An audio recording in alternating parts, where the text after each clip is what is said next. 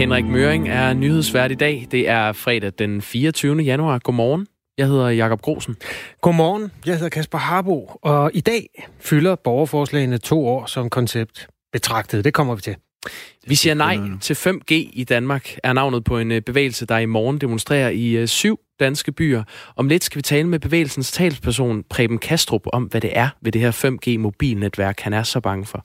Der sidder omkring 30 børn af danske forældre i Al-Hol-flygtningelejren i Syrien. Og de bliver mm. ramt af et nyt øh, lovforslag, der betyder, at de ikke er danske statsborgere, fordi forældrene er fremmedkrigere som er rejst ud for at kæmpe for islamisk stat. Det her lovforslag betyder, at børnene ikke kan komme ind i Danmark den dag, forældrene måske får lyst til at vende hjem.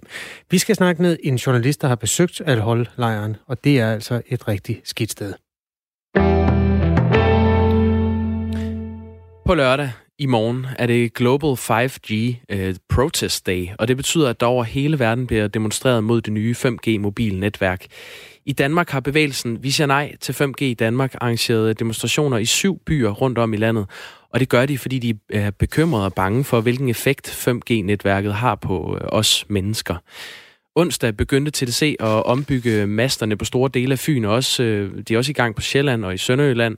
Og de mange tusind danske mobilmaster er godt på vej til at blive opgraderet til at kunne sende det her 5G, som skulle være lynhurtigt. I Helsingør sender 40 master allerede 5G. Godmorgen, Preben Kastrup. Godmorgen. Talsperson for Vi siger nej til 5G i Danmark. Du er bange for det her 5G-netværk. Hvorfor er du det? Jamen, øh, det er der sådan set mange grunde til. Øh, den primære grund til, at man ikke kender konsekvenserne af, af 5G øh, overhovedet. Øh, man siger, at øh, fortæller os, at det bare er en opdatering af 3G og 4G til nyt 5G, der så bare er hurtigere, som du vist øh, sagde lige før. Øh, men det er en helt anden teknologi, man bruger. En teknologi, som man i virkeligheden kun kender fra radar. Øh, hvis man spørger gamle radar-medarbejdere, der har arbejdet med, med radarsystemer, så ved de udmærket godt, at det ikke er en, en teknologi, man bare spørger med. Der er alle mulige sikkerhedsforanstaltningerne. Øh, så det er den ene ting. Øh, men altså, man kender ikke konsekvenserne. Øh, der er lavet en, I Tyskland har man netop øh, bevilget penge, millioner, til en undersøgelse af øh, 5G millimeterstrålernes øh, hvordan de indvirker på, på kroppens øh, hudceller, øh, og DNA-skader og sådan noget. Og hvis vi er heldige, øh, jamen, så ved vi noget om tre år. Altså EU og, og Sundhedsstyrelsen her i Danmark har jo sagt, at, øh, at de ikke vurderer, at der er grund til at være bekymret for, for 5G. Så jeg ved ikke, hvad, hvad, hvad kan overbevise dig om, at det her det er ufarligt? Jamen nu skal vi lige, øh, hvad er nu EU for noget? Altså, øh, fordi EU består jo af mange ting. Altså, det består af nogen, som gerne vil, vil vækste og øh, øh forbrug og så videre. Der skal penge ind over, men EU er også nogle andre størrelser. Øh, I 2011 øh, Europarådet øh, Øh, anbefalede, at, øh, at man øh, satte et forsigtighedsprincip ind, når det galt elektromagnetisk øh, stråling. I Danmark har vi en øh, grænseværdi, som er 10.000 gange højere end det, som man fra e- Europarådet anbefalede i, i 2011. Der har været rapporter, øh, SHEAR, øh, som er en øh, en afdeling i, i, i, EU, hvad hedder det, i EU, som har øh, lavet en rapport, som er dybt bekymret over, hvad der sker, når øh, de her mange øh, stråler bliver, øh, bliver sendt ud. Øh, 5G er en, jo en øh, millimeterbølger. Det betyder, at de øh, går i stykker, når de rammer øh, mure og, og så videre. Så der skal rigtig, rigtig mange øh, master op, sender op, øh, ned til 100-1.500 meter, og specielt jo inde i byer.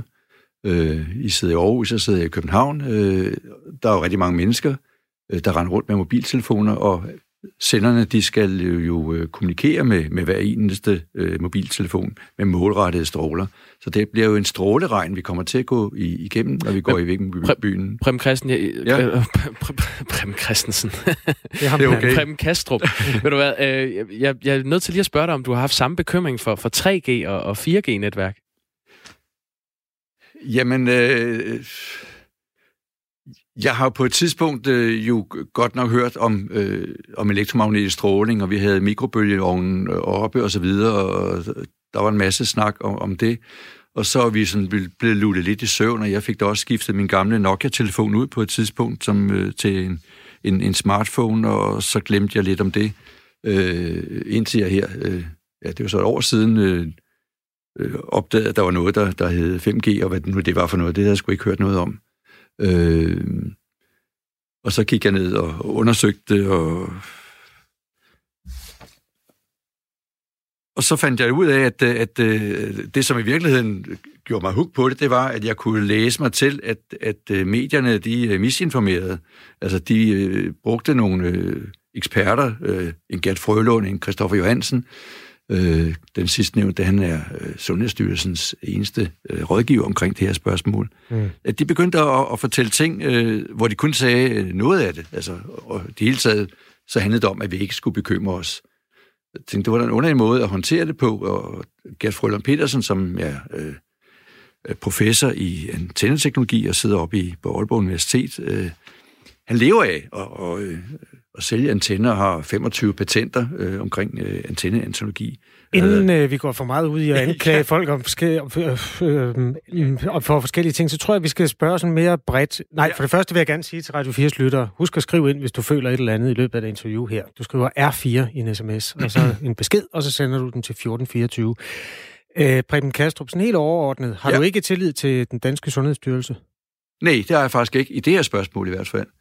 Øh, lige præcis fordi der sidder en Christoffer Johansen, som øh, har været med til at øh, øh, lave det danske kohorteundersøgelse, som, som øh, skulle finde ud af, om mobiltelefoni øh, gav, gav cancer. Vi kan simpelthen ikke gå ned i en direkte kritik af en enkelt person, hvis ikke vi har mulighed for at spørge ham, hvad han siger til den. Så lad være med at, at nævne ham ved navn, men lad os bare holde fast i... Jamen, din... det er jo altså ret vigtigt, at der sidder nogle personer, som kalder sig nogen, eksperter. Vi kalder dem nogle personer, så.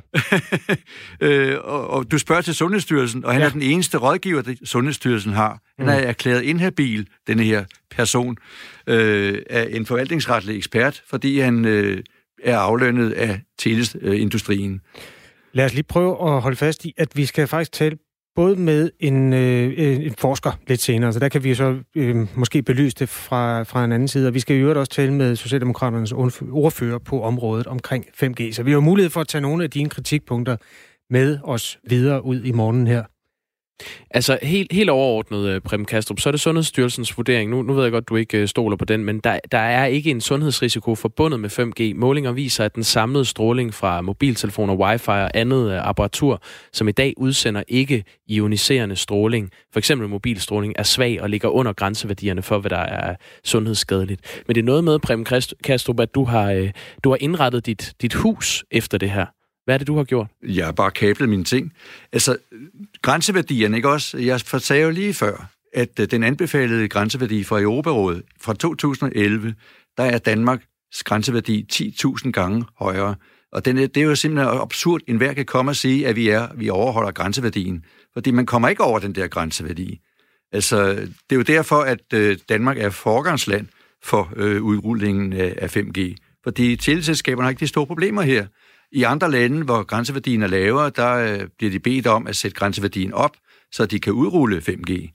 Men sådan har vi det ikke i Danmark. Øh, Men jeg er egentlig mere interesseret i her... Skal jeg, også lige, jeg skal også lige sige til dig, nej, fordi... Nej, nej, jeg er mere interesseret i, hvad, hvad du selv har gjort, fordi du er bekymret for det her. Hvordan griber du øh, din bekymring an? Jamen, øh, dels er jeg jo aktiv øh, i at informere mennesker omkring, øh, øh, hvem giver jeg for noget, og hvad elektromagnetisk stråling er for noget, fordi vi får at vide, at det er jo ikke noget, vi skal bekymre os om.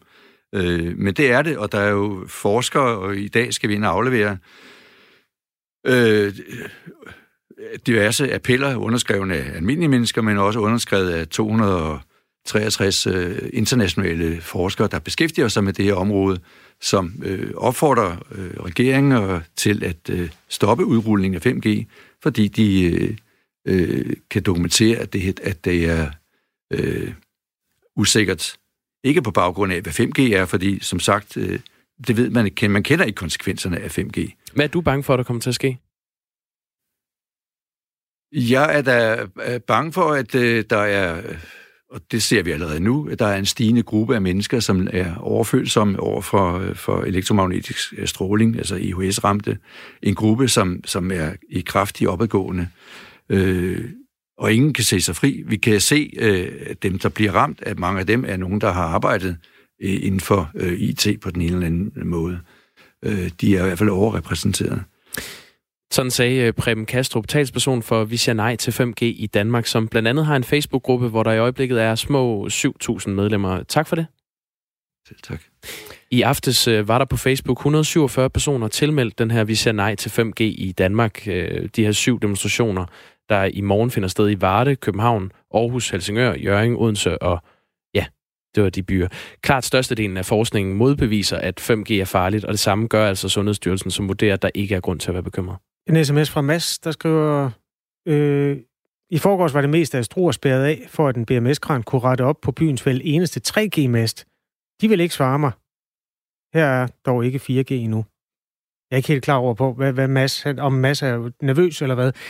Men øh, det er også for at minde om, at man kan jo skrive ind, og det er et helt direkte spørgsmål til dig, der hører Radio 4, er jo i virkeligheden, er du bange for 5G-netværket? Er du øh, i samme båd som Preben Kanstrup, vi talte med for lidt siden, utryg ved de nye øh, elektronik, elektron, hvad, hvad kalder man det? Jamen, det er sådan noget elektromagnetisme, halløj, ikke? Ja, 5G-netværk, ja. Vi prøver at belyse det fra, fra alle sider, skal selvfølgelig høre både fra de bekymrede og så fra, fra forskningen. Klokken er 16 minutter over 6.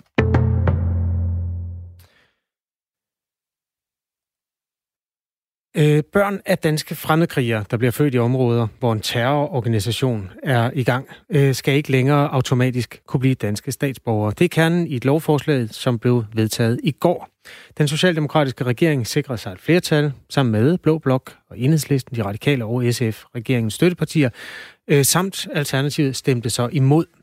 Lovforslaget, eller lovændringen som det nu er, vil kun gælde for de børn, der bliver født i områderne, efter at loven er trådt i kraft. Men lovforslaget kaster altså igen lys på de børn, der fortsat opholder sig i Syrien. Børn af danske fremmedkrigere, som har kæmpet for terrorbevægelser som islamisk stat. Mange af dem opholder sig i den øh, meget omtalte Al-Hol-lejr, og det er altså uden nogen udsigt til at komme til Danmark. Øh, Bo Søndergaard er journalist på Politikken og har rejst i Syrien og besøgt flere af de her lejre, blandt andet også Al-Hol-lejren. Godmorgen, Bo Søndergaard. Godmorgen. Hvordan var tilstanden blandt de børn, som du mødte under dine besøg i Al-Hol? Den var ikke særlig god. Øh, det er sådan, at, øh, at man får nok at spise, når man, når man er dernede, men øh, der er en masse andre problemer. De Bo, jeg skal lige bede dig om, jeg tror, dit headset det sidder og rasler lidt mod huden eller sådan noget. Kan jeg få dig til at holde det lidt stille? Skal vi prøve sådan her? Ja, meget bedre. Øh, fortæl lige igen, hvordan er tilstanden blandt børnene i Al-Hol-lejren? Den er ikke særlig god. Øh, man får nok at spise, når man, øh, når man bor nede i lejren, men øh, der er rigtig mange andre problemer. De her børn øh, bor i en teltlejr ude midt på en syrisk slette. Det betyder, at der er sindssygt varmt om sommeren, der er koldt om vinteren, og, øh, og der er mangel på, på lægehjælp, og, og så er de øh, i et øh, miljø, som er øh, præget af frygt og had, og mange af dem kommer fra, fra familier, som har, øh, kan man sige, været i Syrien i nogle år, hvor, hvor øh, landet havde været ramt af krig og kampe. Mange af dem har set øh, forældre eller familiemedlemmer og venner blive slået ihjel i, øh, i kampene, der i islamisk stat de øh, blev nedkæmpet. Hvor meget islamisk stat er der inde i lejrene der? Hvordan, hvordan ser man øh, eksistensen af den her terrorbevægelse? Jamen, der er meget islamisk stat forstået på den måde, at øh, de kvinder, som man møder i lejren, øh, der er 70.000 mennesker i de her lejre, i den store lejre Al-Hol. De kvinder, man møder dernede, de er dækket fra top til tå i sort øh, i en hijab, sprækker til øjnene, øh, og, øh, og, og de er øh, ikke venligt indstillet over for, øh, for besøgende, for øh, folk som mig. Øh, der bliver råbt, kastet med sten. Øh, de kører et, øh, et, øh, et samfund, som... Øh, hvor man stadig lever, lever efter de idealer og regler, som, som der er i islamisk stat. Øh, og nogle af de her kvinder er, er glade for, at det er sådan, og mange af dem er også bange for, øh, kan man sige, de, de, dem, der stadigvæk er tro mod de idealer. Og, og på den måde så er det en, en, en stat inde i lejren, som, som bliver sådan kørt med hård hånd af nogle øh, af de meget overbeviste øh, fanatikere, som, som, som bor i lejren. Ifølge politiets efterretningstjeneste er der 14 danske statsborgere og øh, omkring 10 børn, som vurderes at være på fri fod i nogle af de her konfliktområder. Og så er der altså 30 børn, hvis forældre er danske statsborgere, i flygtningelejrene. Danmark har hentet blandt andet en 30-årig, nej ikke 30-årig dreng, men en 13-årig dreng ud af al lejren fordi han var livstruende såret. Hvordan er tilstanden hos de andre børn dernede? Når du går rundt ned i lejren, så ser du øh, mange børn. Du ser børn, der er øh, hvide, brune, sorte, de har rødt hår, lyst hår. Øh, du kan se, det er børn fra hele verden, øh, øh, som, som er der, øh, og de er ikke i, i, i god stand, hvis man kan sige det på den måde. Øh, mange af de kvinder, jeg har talt med dernede, og som jeg også stadigvæk er i kontakt med via deres pårørende, øh, de er sindssygt bange for, at deres børn bliver syge dernede, fordi at det er et sted, hvor der er mange syge mennesker. Øh, og, og det er ikke nemt at få den hjælp, der skal til. Man skal huske, at det er ikke mere end nogle måneder siden, at Tyrkiet invaderede den del af Syrien. Så, så hjælpeorganisationerne, som er øh, til stede, mangler alting. Altså alt fra øh, personale til medicin til til ordentlige muligheder for at lave et hospital. Øhm, og så er de her børn jo også øh, virkelig præget af, at der er konfrontationer mellem øh, lejrens øh, vagter og kvinderne, og mellem kvinderne internt. Øh, så det er børn, der er bange. De er bange for, øh, at der skal ske noget med dem, med familien. De har oplevet krig. De kan høre fly, de kan høre kampe i nærheden, og de kan se, at der er øh, konflikter og kampe hele tiden omkring dem. Så de er bange, øh, og, de er, og hvis de bliver syge, så, øh, så kan de blive rigtig syge, og nogle af dem er jo også døde ned i lejren. Bo Søndergaard, øh, en lejr er jo et øh, rimelig vidt begreb. Kan du ikke prøve at tage os lidt i hånden og prøve at, at dykke lidt ned i, hvordan er det helt konkret, øh, hverdagen er? Hvordan øh, ser det ud? Hvordan er det bygget op? Jo, det er sådan, at den ligger øh, ja, midt i det hele i, på en syrisk slette. Du kører gennem en lille landsby, og så kommer du ud, så er der ingenting først. Og så kommer der de her tusinder og tusinder af telte. Og det er altså sådan øh, gammeldags telte, som, hvor der bare er øh, øh ja, lærred, og, øh, og, og så, altså det, er, det er ikke på nogen måde øh, der der, noget, der ligner et hus. Øh, tusinder og tusinder af telte, omgivet af pigtråd, bevæbnede vagter, øh, en, en, en fortættet, ubehagelig stemning. Øh, tæt, teltene står tæt, øh, og, øh, og så er der, øh, kan man sige, en relativt intimistisk, primitiv øh, øh, hospital eller klinik, der bliver uddelt øh, mad. Øh, men de her kvinder er hegnet inde, de er, er øh, bevogtet af bevæbnede vagter, og, øh, og, og de lever øh, et meget primitivt liv øh, og meget tæt på hinanden, virkelig mange mennesker. Tak fordi du vil dele de der triste oplevelser med os, Bo Søndergaard. I er velkomne journalist på politikken, som altså har besøgt flygtningelejrene i Syrien. Vi vil øh, også gerne have taget en snak med regeringen og Socialdemokratiet om det nye øh, lovforslag og hvad der skal ske med de danske børn, men det kunne ikke øh, lade sig gøre at få børnenes statsminister i tale her til morgen. Klokken er 6.22. I eftermiddag i København afholdes der et event, der hedder Feministisk Europa, spørgsmålstegn, udopstegn. Øh, de tre initiativtagere har på forhånd skrevet en kronik i politikken, hvor de argumenterer for, at øh, EU fører en politik, der har, citat, dybt sexistiske konsekvenser, og som derfor indirekte er, citat, ekstremt skadelig især for kvinder. Vores øh, reporter Mads Anneberg er taget til Bruxelles og interviewer her en af de, de tre kvinder, SF's EU-parlamentariker Kira Marie Peter Hansen, i Bruxelles for at blive klogere på, hvordan EU's politik er sexistisk. Du har jo skrevet sådan et debatindlæg sammen med to andre i øh, politikken, hvor du har givet udtryk for, at øh, EU fører en øh, politik, der er dybt sexistisk og måske i sidste ende skadelig for, for kvinder. Nu tænker jeg lige, at vi skal prøve at gå lidt rundt her. Vi står jo vi står midt i EU på en eller anden måde, ikke? altså midt i Europaparlamentet, og du kan måske lige prøve at pege lidt, hvor er det, hvilken retning skal vi gå i, for ligesom at finde de ting, som hæmmer feminismen og ligestillingen? Jamen, jeg tænker egentlig, vi kan gå ned mod den gang, hvor der er billeder af alle øh, formændene for parlamentet. Der er kun øh, én kvinde øh, ud af, tror de er 40 mænd, der hænger der eller sådan noget. Jamen, der kan vi i hvert fald godt øh, starte, hvis det er. Hvordan er det helt præcist, hvis du bare skal beskrive det for mig lynhurtigt, at EU's politik ikke er så god for kvinder? Jamen, det handler om, at vi laver et opråb, som hedder, at feminist kend din økonomi.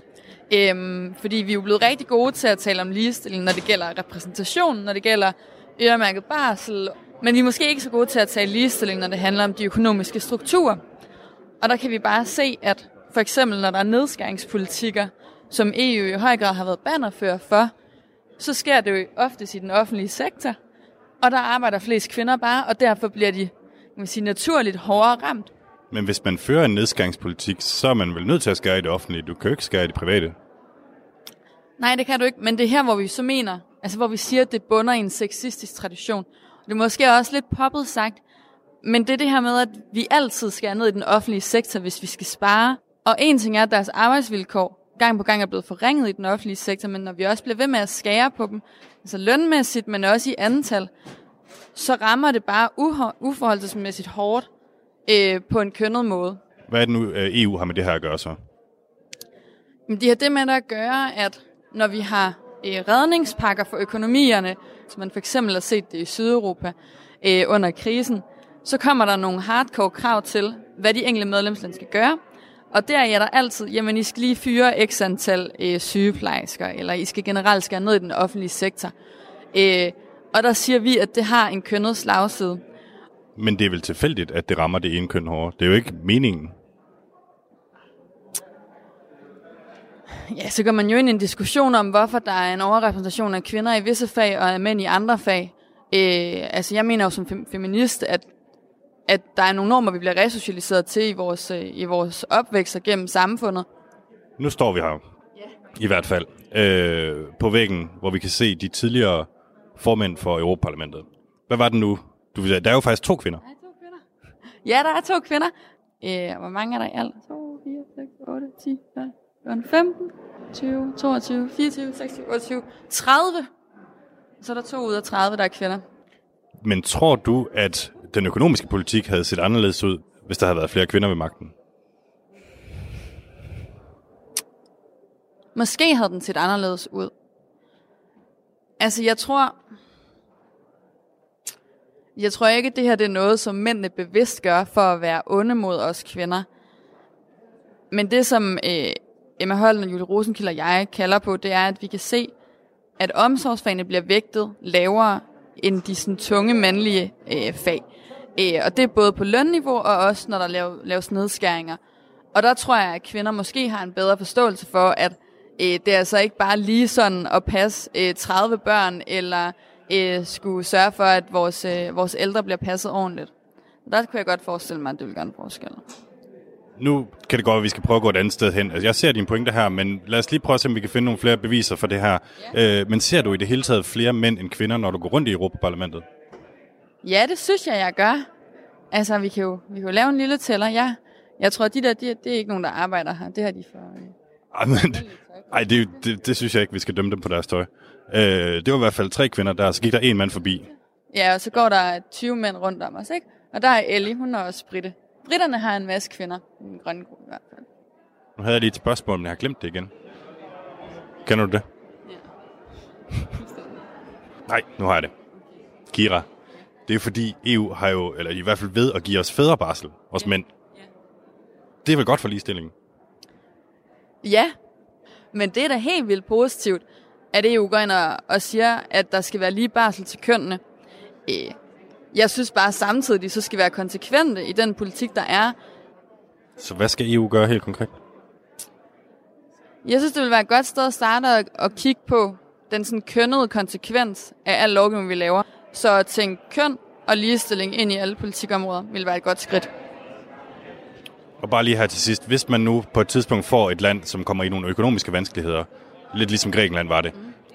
og man tænker, det vil nok være godt for jer, hvis I lige skar lidt ned på, på udgifterne, hvad skal man så gøre, for at det ikke går ud over kvinderne?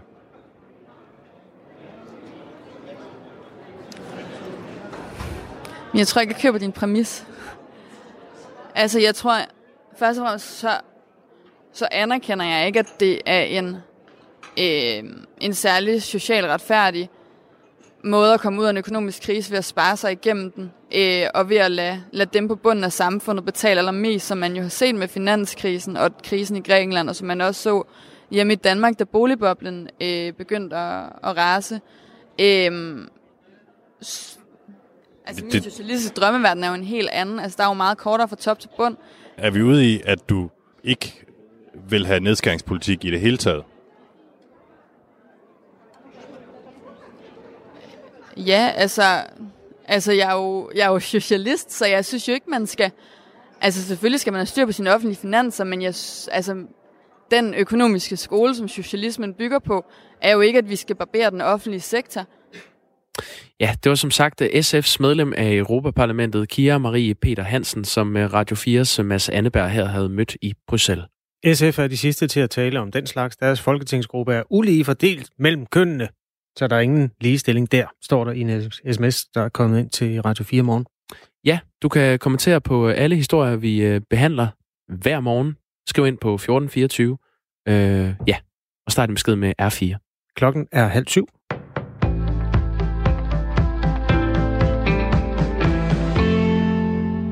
Karoline Wozniakis tenniskarriere er slut efter et nederlag i tre sæt til Ons Jabeur i tredje runde af Australian Open. Den 29-årige dansker havde inden Grand Slam-turneringen i Melbourne bebudt, at det ville blive hendes sidste i karrieren. Umiddelbart efter, at Wozniacki havde slået bolden ud af banen i den afgørende duel, rejste tilskuerne sig og hyldede danskeren med klapsalver, mens en rørt Wozniacki tørrede tårer væk fra sit ansigt. Efterfølgende takkede hun blandt andet sin far, Piotr Wozniacki. Um, the support I've had from my family and especially my dad who's coached me all these years. um, you know, I usually don't cry, so sorry. um, but, you know, those are the special memories that I'll always cherish and just the journey to get where, where we got all together. It's, it's been really amazing. It's been a great ride. Karoline Wozniacki har haft en stor karriere, hvor hun blandt andet har ligget nummer et på verdensranglisten. Karrieren kulminerede med Australian Open-triumfen i 2018. For første gang skal en ansvarlig minister under vidneansvar fortælle, hvad regeringen vidste om danske soldaters håndtering af fanger i Irak i 2004. Det sker, når daværende forsvarsminister Søren Gade skal vidne i sagen i højesteret, skriver politikken. Sagen handler om Danmarks tilstedeværelse i Irak. Her blev en gruppe irakiske bønder i 2004 taget til fange under det, der hed Operation Green Desert, som var en dansk-ledet operation. Irakerne blev taget til fange i det sydlige Irak Irak og overleveret til irakiske styrker, hvor de blev mishandlet. Allerede da sagen kørte i landsretten, ville de irakiske anklager have afhørt Søren Gade, som var forsvarsminister fra 2004 til 2010. Men dengang modsatte forsvarsministeriets advokat, kammeradvokaten, så det. Men nu skal Søren Gade forklare, hvad han vidste om militæroperationen. Dødstallet efter coronavirus i Kina stiger til 25. Omkring 830 er bekræftet smittet med viruset, mens over 1000 andre undersøges for smitten, det oplyser de kinesiske sundhedsmyndigheder. Langt størstedelen af smittetilfældene er blevet fundet i millionbyen Wuhan, der ligger i hjertet af Kina. Udspringet af viruset er formentlig et marked i byen. Viruset har ikke blot spredt sig til flere kinesiske byer, men også til flere andre lande. Hidtil er der konstateret bekræftede tilfælde af smitten i USA, Vietnam, Singapore, Thailand, Sydkorea, Japan og Taiwan. To mænd er blevet beskudt i en bil i Gersagerparken i Greve i nat. Det oplyser vagtchef ved Midt- og Vestjyllands politi, Henrik Møller Nielsen. De to mænd befinder sig i en bil, da de bliver beskudt af nogle personer fra en anden bil, som derefter kører fra gerningsstedet, siger han. De to mænd er begge uskatte, oplyser han, men bilen er blevet ramt af skud. Politiet kan endnu ikke sige noget om årsagen til skyderiet. Der skal sættes ind over for topchefer, der scorer ekstremt høje lønninger. Det mener SF, skriver politikken. Konkret foreslår regeringens støtteparti et loft over lønspændet, så den højst lønnede i en virksomhed maksimalt kan tjene 20 gange mere end den lavest lønnede i samme virksomhed, når man ser bort fra for eksempel lærlinge og deltidsansatte. Det her det er øh, helt særligt en målrettet gruppe, som sidder i toppen og rager mere og mere til sig, øh, og som skaber en usund øh, kultur, som heller ikke er rimelig, og som skaber mere ulighed i vores samfund. Siger SF's gruppeformand Jakob Mark til TV2. Erhvervsminister Simon Kollerup er enig i intentionen bag forslaget, men afviser det konkrete forslag fra SF. Diset og stedvis lidt regn er til. I løbet af eftermiddagen klarer det noget op i den nordlige del af Jylland med lidt sol, 5-8 grader og lidt til frisk vind omkring vest.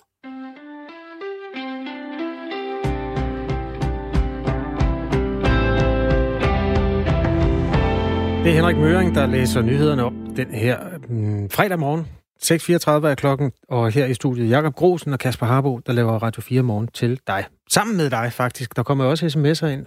Det var det, og vi nåede lige at læse en uh, sms og højt fra en uh, unavngiven lytter, som skrev, at uh, SF ikke skal tale om ligestilling. Deres folketingsgruppe er ulige fordelt mellem køn, så ingen ligestilling der. Men det har vi tjekket op på, Kasper. Der er, står simpelthen 12-3 til damerne. Ja, så det altså, passer ikke. 15 SF'er i Folketinget, og 80 procent af dem er kvinder. Så altså, det er jo så lidt for meget ligestilling, kan man sige. Kan man få for meget ligestilling?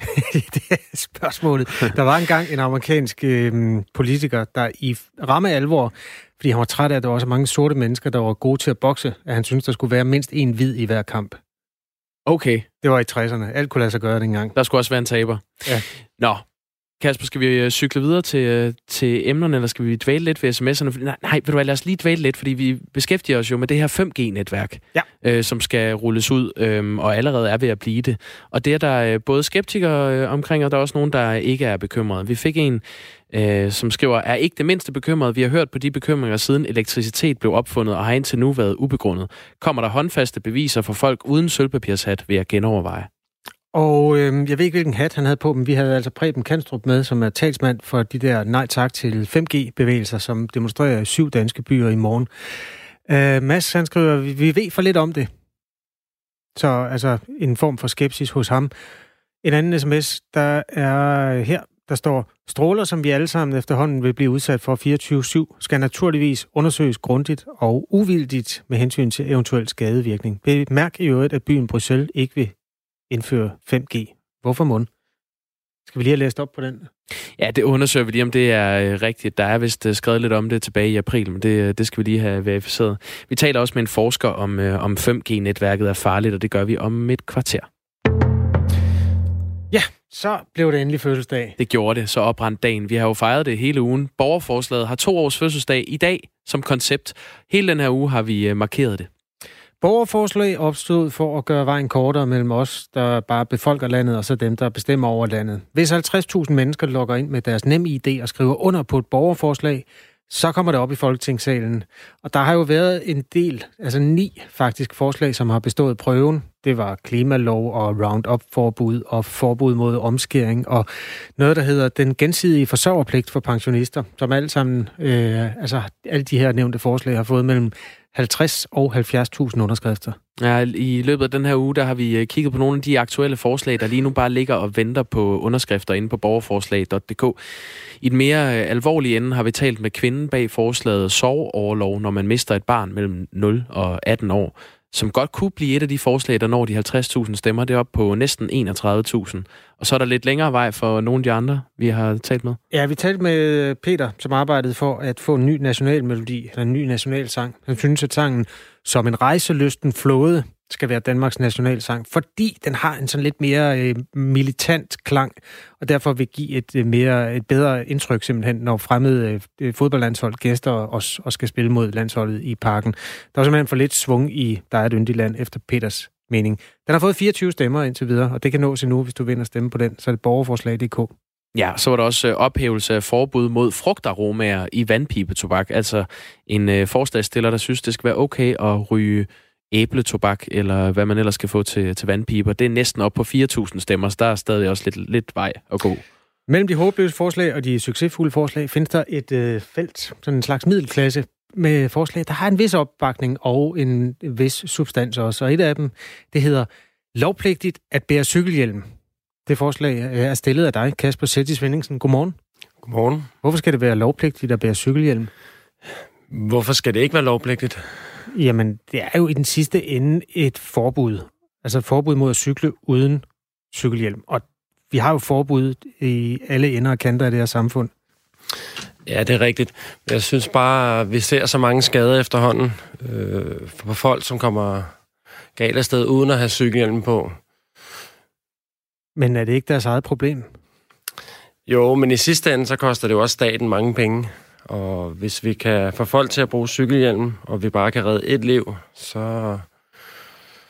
Hvad er din, egen, din egen indgang til cykler og cykelhjelme? Hvordan er den? Jeg cykler selv rigtig meget, og har cyklet på noget højere plan, da jeg var yngre. Og så jeg har jo set mange skader, også med og uden cykelhjelm. Har du været elitecykelrytter?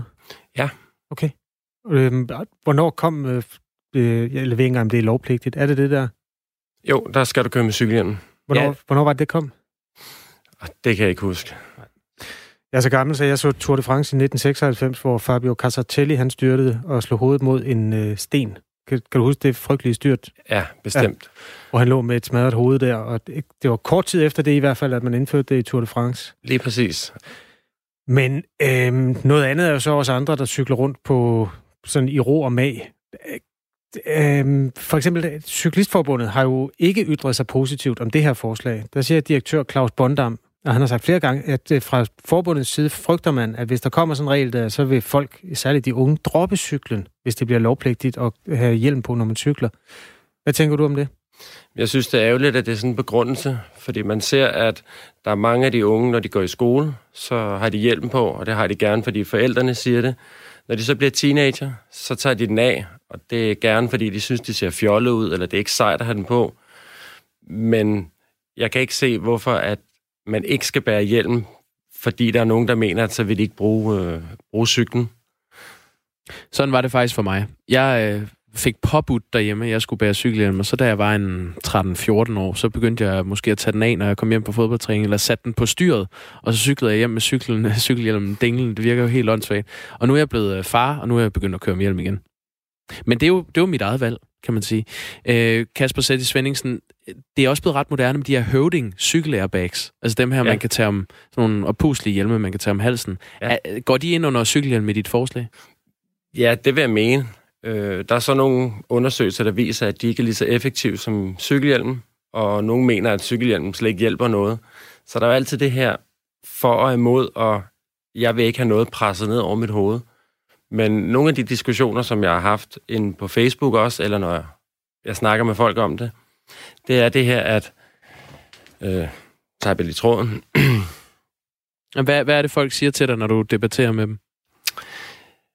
Øh, jamen, jeg tabte sgu tråden på den. Nå, fair. Fair nok. Men noget kunne tyde på, at han har folkelig opbakning, ja. Ja. Kasper. Der er 170, der er skrevet under, hvis det er det, du tænker på. Jamen, nu tænker jeg også på den her undersøgelse, Analyse Danmark har lavet i 2017. Øh, 49 procent går så langt som til at mene, at alle skal bære hjelm.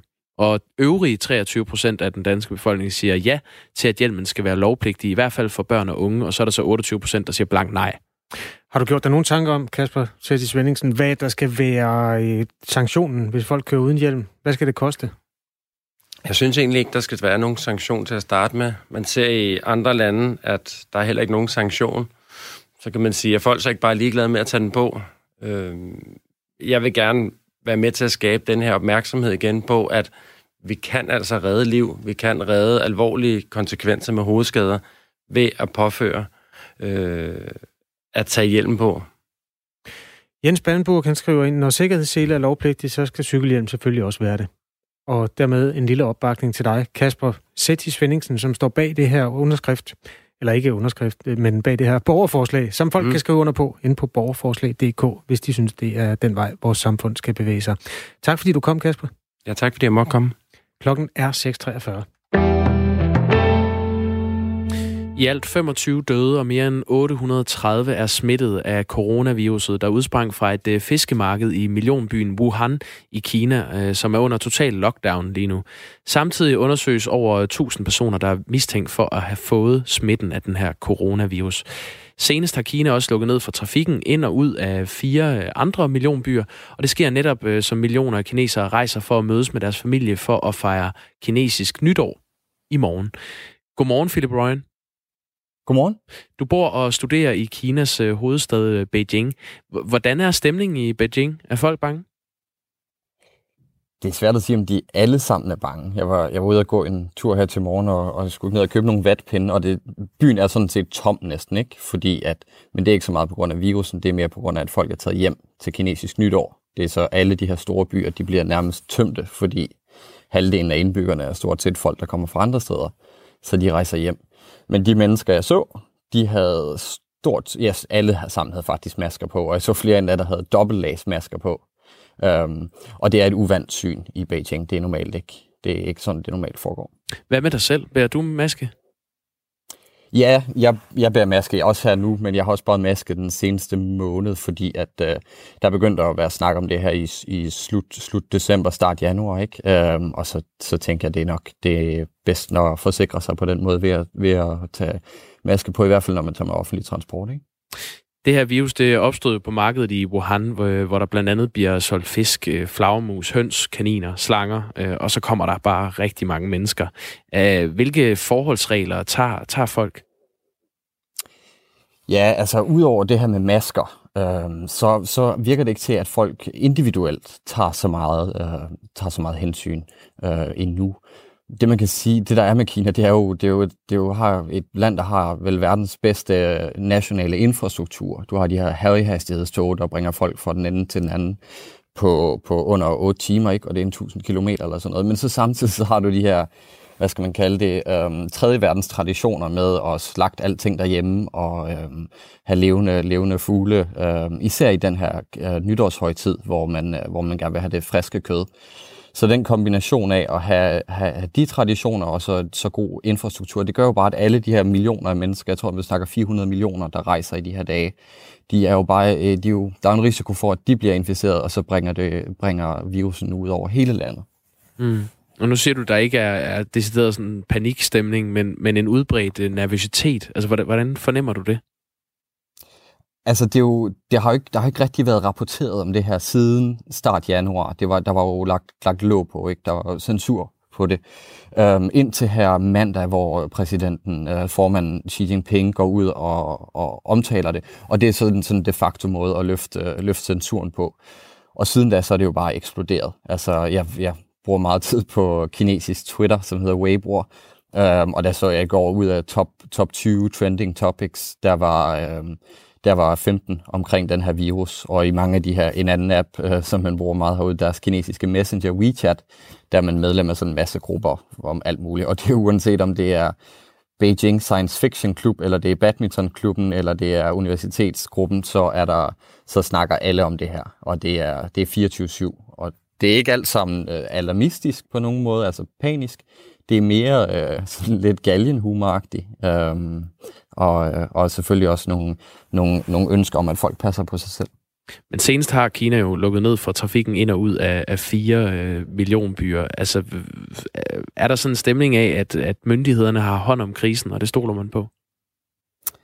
Ja, det er, altid, det er altid svært at finde ud af i et land med så meget censur. Problemet er jo, at hvis man siger, at den her virus den er udbrudt i, i december januar, ikke? Øh, jeg tjekkede lige i går, og der er jo sådan, der er 60.000 mennesker, der har rejst fra Wuhan til Beijing i den, øh, fra starten af januar til, til her den 20. januar. Ikke? Så hvis der er nogen af dem, der er blevet smittet, så har den jo allerede spredt sig. Og det her med at lukke byer ned på den måde, det stopper ikke rigtig folk i at rejse øh, frem og tilbage. Fordi man skal forstå, at kinesisk nytår, det er deres, det er deres juleaften. Ikke? Og hvis du har, du har i gennemsnit fem feriedage om året i Kina, så det er den eneste mulighed, du rigtig har for at tage hjem, hvis du for eksempel bor de der 5, 6, 7, 800 km væk, som der er mange, der gør. Så folk rejser jo uanset. Øhm. Philip, øh, vi kommer jo fra Danmark, hvor der er sådan en vis tradition for, at man krammer og giver hånd og rører rigtig meget ved hinanden. Hvordan er egentlig omgangsformen mellem kinesere? Den er ikke helt så fysisk. Øh, krammet er, er aldrig noget rigtigt til Kina på den måde.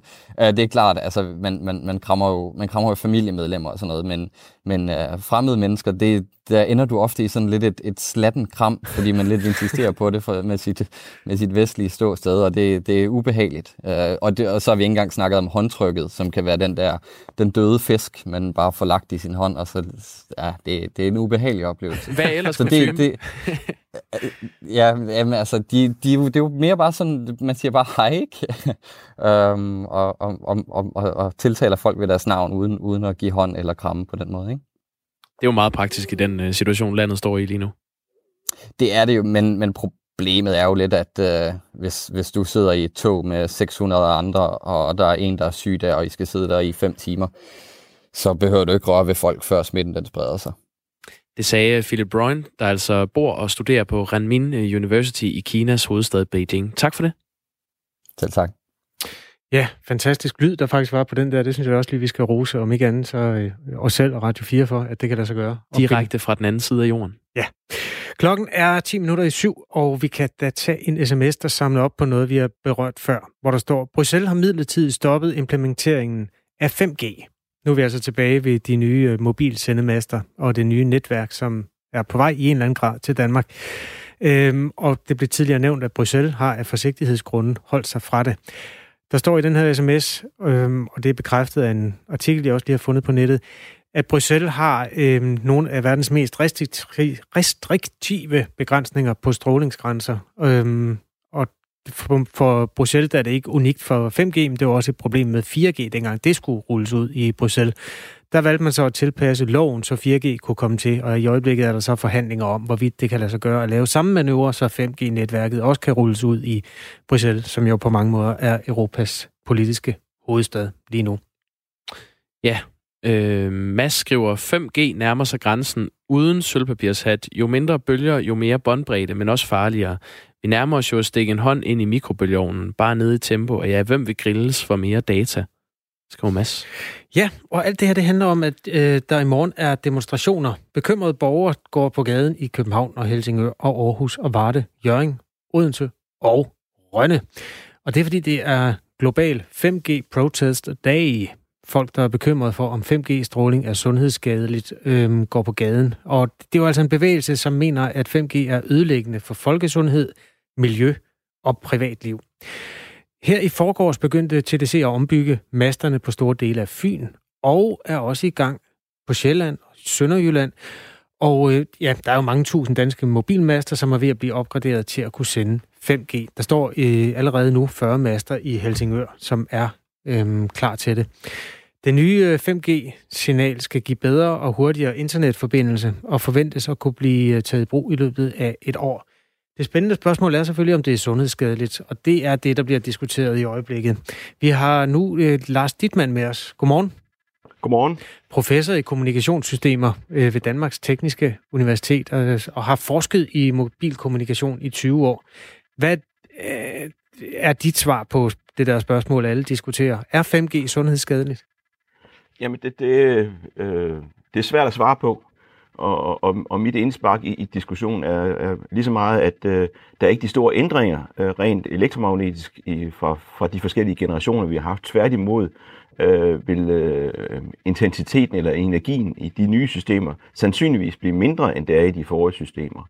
Øh, så jeg er lidt uforstående over for, at debatten blusser op på den her måde, også fordi, at der er så mange andre øh, kilder til elektromagnetisk stråling i vores omgivelser, øh, fra wifi-net, fra mikrobølgeovne, fra fjernkontrol, fra trådløse øh, headsets med bluetooth og alt muligt andet, øh, hvor, hvor de mobilnet, de udgør en meget, meget lille del af det spektrum, som er det elektromagnetiske spektrum, som går fra 3 kHz til 300 GHz. Det er et meget, meget bredt spektrum.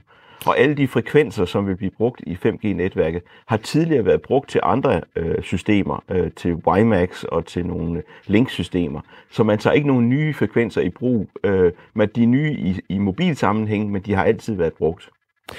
Vi har talt med Preben Kastrup, der er talsperson for gruppen Vi siger nej til 5G i Danmark. Han mener, at det nye netværk er en del farligere end det tidligere 4G-netværk. Bruger en teknologi, som man i virkeligheden kun kender fra radar, Øh, hvis man spørger gamle radar-medarbejdere, der har arbejdet med, med radarsystemer, så ved de udmærket godt, at det ikke er en, en teknologi, man bare spørger med. Der er alle mulige sikkerhedsforanstaltningerne. Og nu har vi altså øh, Lars Dittmann med, som er professor i kommunikationssystemer. Øh, hvem skal man tro på? Jamen, jeg forstår godt, at folk er, er forvirret, og det er også det mest øh, ulykkelige ved den her diskussion, fordi det er, det er en meget polariseret diskussion ofte. Øh, og jeg, når jeg siger det, så siger jeg, at jeg har ikke set nogen, nogen øh, endegyldige beviser for, at det er, at det er korrekt, at, at det er at de præcis de frekvenser, som 5G bruger. Fordi det, det er ikke korrekt, at man bruger rette teknologi i, i 5G. Det er der slet ingen planer om på nuværende tidspunkt. Øh, så, så, så i hvert fald det kan man godt øh, mane til jorden. Men om elektromagnetisk stråling generelt er, er farligt, det ved vi ikke. Men altså, vi har haft det i vores omgivelser i rigtig, rigtig mange år. Øh, og det er endnu ikke kommet nogen, nogle klare øh, altså det, vi vil kalde øh, grundige øh, øh, undersøgelser. Fordi når jeg ser nogle af de publikationer, der er lavet så kan det omkring cellestruktur være meget fint, fordi det forstår jeg ikke, men det, der er skrevet omkring elektromagnetiske målinger, er i hvert fald ikke særlig øh, godt, og det er på ingen måde professionelt lavet. Og så må jeg afvise at sige, at jeg er ikke overbevist af det her, fordi jeg kan simpelthen ikke øh, se, at de målinger, der er lavet, er korrekt lavet. Det er ikke, det er ikke lige til. Det, man går ikke ud med sådan en lille håndholdt device og måler elektromagnetisk stråling, som mange af de bekymrede borgere gør. Det er meget mere komplekst at gøre end som så. Men om, altså omvendt, hvis forskeren ikke kan sige noget endegyldigt om, hvorvidt det, det er skadeligt, er det så forsvarligt at rulle et helt nyt øh, 5G-netværk ud? Jamen det er det, der er der så, så besværligt i den her sammenhæng, det er, at man kan aldrig nogensinde bevise, at noget ikke er skadeligt. Man kan muligvis bevise, at det er skadeligt. Fordi altså, man kan lave millioner af eksperimenter og forsøg, øh, og som alle sammen siger, jamen det er ikke, øh, det er ikke klart øh, bevist, at det er skadeligt, men der vil altid være et forsøg, som man ikke har lavet endnu, og derfor øh, i, i det, vi vil kalde moderne videnskab, findes der ikke nogen mulighed for at bevise noget ikke er skadeligt. Man kan muligvis bevise, at det er skadeligt, og det mener jeg ikke er sket endnu. Sundhedsstyrelsen er ude med nogle forskellige forholdsregler, som man bør følge for at reducere eksponeringen fra mobiltelefoner. Blandt andet, at man skal bruge sms i stedet for samtale, begrænse varigheden af sine samtaler, og så skal man ikke sove med telefonen lige ved siden af hovedet. Og samtidig skriver Sundhedsstyrelsen, at forskere ikke kan bede eller afkræfte, at eksponeringen fra mobiltelefoner udgør en sundhedsrisiko. Øhm, når Sundhedsstyrelsen skriver det, kan du så forstå, at der er nogle borgere, der er bekymrede og forvirrede? Det forstår jeg udmærket godt. Også fordi, at alt trådløs kommunikation er jo noget, vi ikke kan se. Derfor er det svært at forholde sig til det. Og jeg, jeg er fuldstændig enig i, at, at brugen af, af, af trådløse devices har taget overhånd. Øh, Øh, der er mange steder, hvor man siger, at det giver ikke mening at, at, øh, at bruge trådløs kommunikation. Man kunne lige så godt bruge kablet øh, kommunikation. Øh, sidde og bruge øh, trådløs mus til sin PC. Hvorfor ikke sætte en ledning i sin PC i stedet for det? Øh, trådløs tastatur og forskellige ting. Øh, men, men det er mange andre systemer, og, og, og det, vi lever i, i, i, et, øh, i, i, i et moras af, af elektromagnetisk stråling for alle mulige devices. Jeg forstår bare ikke, hvorfor man lige præcis kaster sig over 5G. Øh, der er så mange andre teknologier, som har langt mere øh, udbredelse og er langt mere intensiv i, øh, i, i energimængden. Hvad var den første, og, man skulle slukke for, hvis man... Hvis, var det wifi, der er den værste, eller hvad vil du slukke for? Ja, wifi i hvert fald, fordi det er fuldstændig ukontrolleret. Øh, og, og, og, og, og, og sender med meget høje effekter, og der er ikke nogen øh, energistyring i wifi-systemerne. Når folk ikke har dårlig, når folk har dårlig wifi, så kører de en forstærker, øh, og så står det endnu mere, og så ind til naboen også gør det samme. Øh, så det bygger op, øh, hvorimod altså hele telenetværket, som er drevet af, af professionelle operatører, de gør rigtig meget, og hele øh, mobilstandarderne gør rigtig meget for at bruge absolut minimal effekt i forhold til at kunne opretholde en kommunikation og cellerne i det nye netværk bliver meget mindre, altså de der, der dækningsområde fra en mast bliver meget mindre i det nye net, og derfor vil man også øh, have mindre behov for at sende med kraftig sendestyrke. Men Lars Dittmann, øh, professor i kommunikationssystemer ved, øh, ved Danmarks Tekniske Universitet, siger du lige nu i radioen, at vi skal være bange for wifi? Jamen, det siger jeg ikke, men altså, jeg vil i hvert fald ikke sætte wifi op i mit, mit soveværelse. Altså, man, man har lov til at være lidt fornuftigt. Altså, øh, Må jeg så spørge så, om noget så, andet? Går, går du med telefonen i, i bæltet eller i lommen? Det gør jeg nogle gange. Som regel ligger den på mit kontor på mit bord. Øh, Hvorfor? Hvis jeg forlader mit kontor, så tager jeg den i lommen. Men ellers så går jeg ikke. Hvorfor ikke? Jamen, det ved jeg ikke. Det er sådan, øh, hvorfor skulle jeg? øh, jeg, har, jeg har ikke behov for hele tiden at være på og, og blive kontaktet øh, i tid og utid. Min mobiltelefon bruger jeg primært til, at jeg kan ringe til andre, ikke for at andre må, måske kan ringe til mig. Øh, når jeg sidder på mit kontor, så vil jeg gerne bede om at bruge øh, min fastnettelefon. Øh, til det her interview bliver jeg bedt om at installere en app på min mobiltelefon, fordi det er åbenbart den måde, det kunne gøres på. Ja. Øh, men ellers vil jeg altid bruge en fastnettelefon, hvis det er muligt. Men nu, nu talte vi jo så om, øh, om og med Preben Kastrup, der er talsperson for den her gruppe, øh, vi siger nej til 5G i Danmark, som har små 7.000 medlemmer øh, på, på Facebook. Er du i stand til at give den her gruppe en form for ro i maven? Altså, det er jo svært, fordi det er pisket meget op, øh, hele den her diskussion. Øh, men, men altså, jeg, jeg har ikke, som sagt ikke set noget øh, endegyldigt, men derfor kan man da gerne være forsigtig og ikke overdrive. Altså, øh, øh det, sådan er det med, med alle ting i livet. Man skal være sådan lidt sund fornuft, når man tilgår ting, som ikke er endegyldigt bevist eller ikke bevist. Altså, øh... Lars Dittmann er altså professor i kommunikationssystemer og har installeret en app for vores skyld, så vi kan tage den her snak øh, direkte i Radio 4 morgen. Tak for det, Lars Dittmann. Det var så lidt. Sundhedsstyrelsen har ikke haft mulighed for at stille op til et interview omkring det emne her i dag. Til gengæld så skal vi tale med Socialdemokraternes ordfører om det her 5G, som jo i nogens optik er en en, øh, en fare, som ikke er undersøgt ordentligt til bunds. Før 5G-netværket er klar, skal sendemasterne rundt omkring i landet opgraderes til den nye teknologi. Øh, alene TDC har næsten 4.000 master, som skal fikses, og det arbejde er startet i forgårs. Der er en lytter, der skriver, jeg er sikker på, at det ændrer folks adfærd med, adfærd med alle de master. Fordi? Det øh, uddybes ikke. Det må du gerne uddybe, kære lytter. 5G er ikke som sådan farligt, skriver Mads. Man kan spørge alle om, hvor mange kilowatt de må sende på nu. Og jo, både radar og også 5G er skadeligt, og en diagnose i enkelte lande. SMS'er ind til det her radioprogram starter med R4 og et mellemrum, og så en besked, som du bestemmer, og så sender du den til 1424.